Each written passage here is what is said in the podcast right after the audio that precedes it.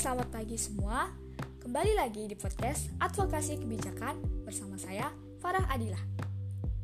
Gimana nih kabar kalian semua? Semoga sehat selalu ya. Seperti biasa, kita masih akan berbicara seputar COVID-19. Pada kesempatan kali ini, saya akan menyampaikan tentang pelaksanaan Desa Tanggap COVID-19. Bicara tentang COVID-19 nih, Badan Kesehatan Dunia atau biasa disebut WHO pada akhir Januari 2020 lalu menetapkan situasi saat ini sebagai Public Health Emergency of International Concern atau PHEIC. Dan pada bulan Maret 2020 lalu, COVID-19 mulai melanda Indonesia. Kasusnya setiap hari selalu meningkat dan hampir seluruh daerah di Indonesia sudah terdampak. COVID-19 yang menjadi pandemi global telah berdampak serius terhadap sendi-sendi ekonomi dan kesehatan masyarakat di desa.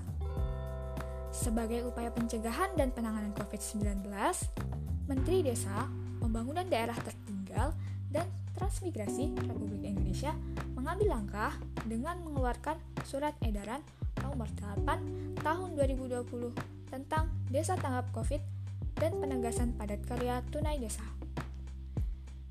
Dengan dikeluarkannya surat edaran tersebut, diharapkan masyarakat bersama-sama dapat mentaati protokol kesehatan yang sudah ditetapkan.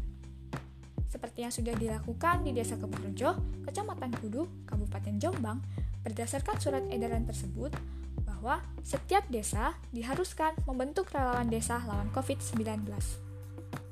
Tugas relawan desa lawan COVID-19 sendiri yaitu tugas pertama melakukan pencegahan melalui langkah-langkah sebagai berikut. 1. Melakukan edukasi melalui sosialisasi yang tepat dengan menjelaskan perihal informasi terkait dengan COVID-19, baik gejala, cara penularan, maupun langkah-langkah pencegahannya. 2. Mendata penduduk rentan sakit seperti orang tua, balita, serta orang yang memiliki penyakit penahun, penyakit tetap, dan penyakit kronis lainnya. 3. Mengidentifikasi fasilitas-fasilitas desa yang bisa dijadikan sebagai ruang isolasi. 4. Melakukan penyemprotan desinfektan dan menyediakan cairan pembersih tangan atau hand sanitizer di tempat umum seperti balai desa. 5. Menyediakan alat perlindungan serta penularan COVID-19. 6 menyediakan informasi penting terkait dengan penanganan COVID-19 seperti nomor telepon rumah sakit rujukan, nomor telepon ambulan, dan lain-lain. Yang ketujuh, melakukan deteksi dini penyebaran COVID-19 dengan memantau pergerakan masyarakat melalui pencatatan tamu yang masuk ke desa, pencatatan keluar masuknya warga desa setempat ke daerah lain, pendataan warga desa yang baru datang dari rantau seperti buruh, migran, atau warga yang bekerja di kota-kota besar. Selanjutnya, pemantauan perkembangan orang dalam pantauan atau ODP dan pasien dalam pantauan atau PDP COVID-19. Yang terakhir yaitu memastikan tidak ada kegiatan warga berkumpul atau kerumunan banyak orang seperti pengajian, pernikahan, tontonan, atau hiburan massa dan hajatan atau kegiatan serupa lainnya. Tugas yang kedua yaitu melakukan penanganan terhadap warga desa korban COVID-19 melalui langkah-langkah sebagai berikut. 1. Bekerja sama dengan rumah sakit rujukan atau puskesmas tempat. 2. Menyiapkan ruang isolasi di desa. 3. Merekomendasikan kepada warga yang pulang dari daerah terdampak COVID-19 untuk melakukan isolasi mandiri. Keempat, membantu menyiapkan logistik pada warga yang masuk ruang isolasi. Kelima, menghubungi petugas medis atau Badan Penanggulangan Bencana Daerah atau BPBD untuk langkah atau tindak lanjut berikutnya terhadap warga yang masuk ruang isolasi. Dan tugas yang ketiga yaitu senantiasa melakukan koordinasi secara intensif dengan pemerintah kabupaten atau kota seperti Dinas Kesehatan, dan Pemberdayaan Masyarakat Desa atau sebutan lainnya BPBD.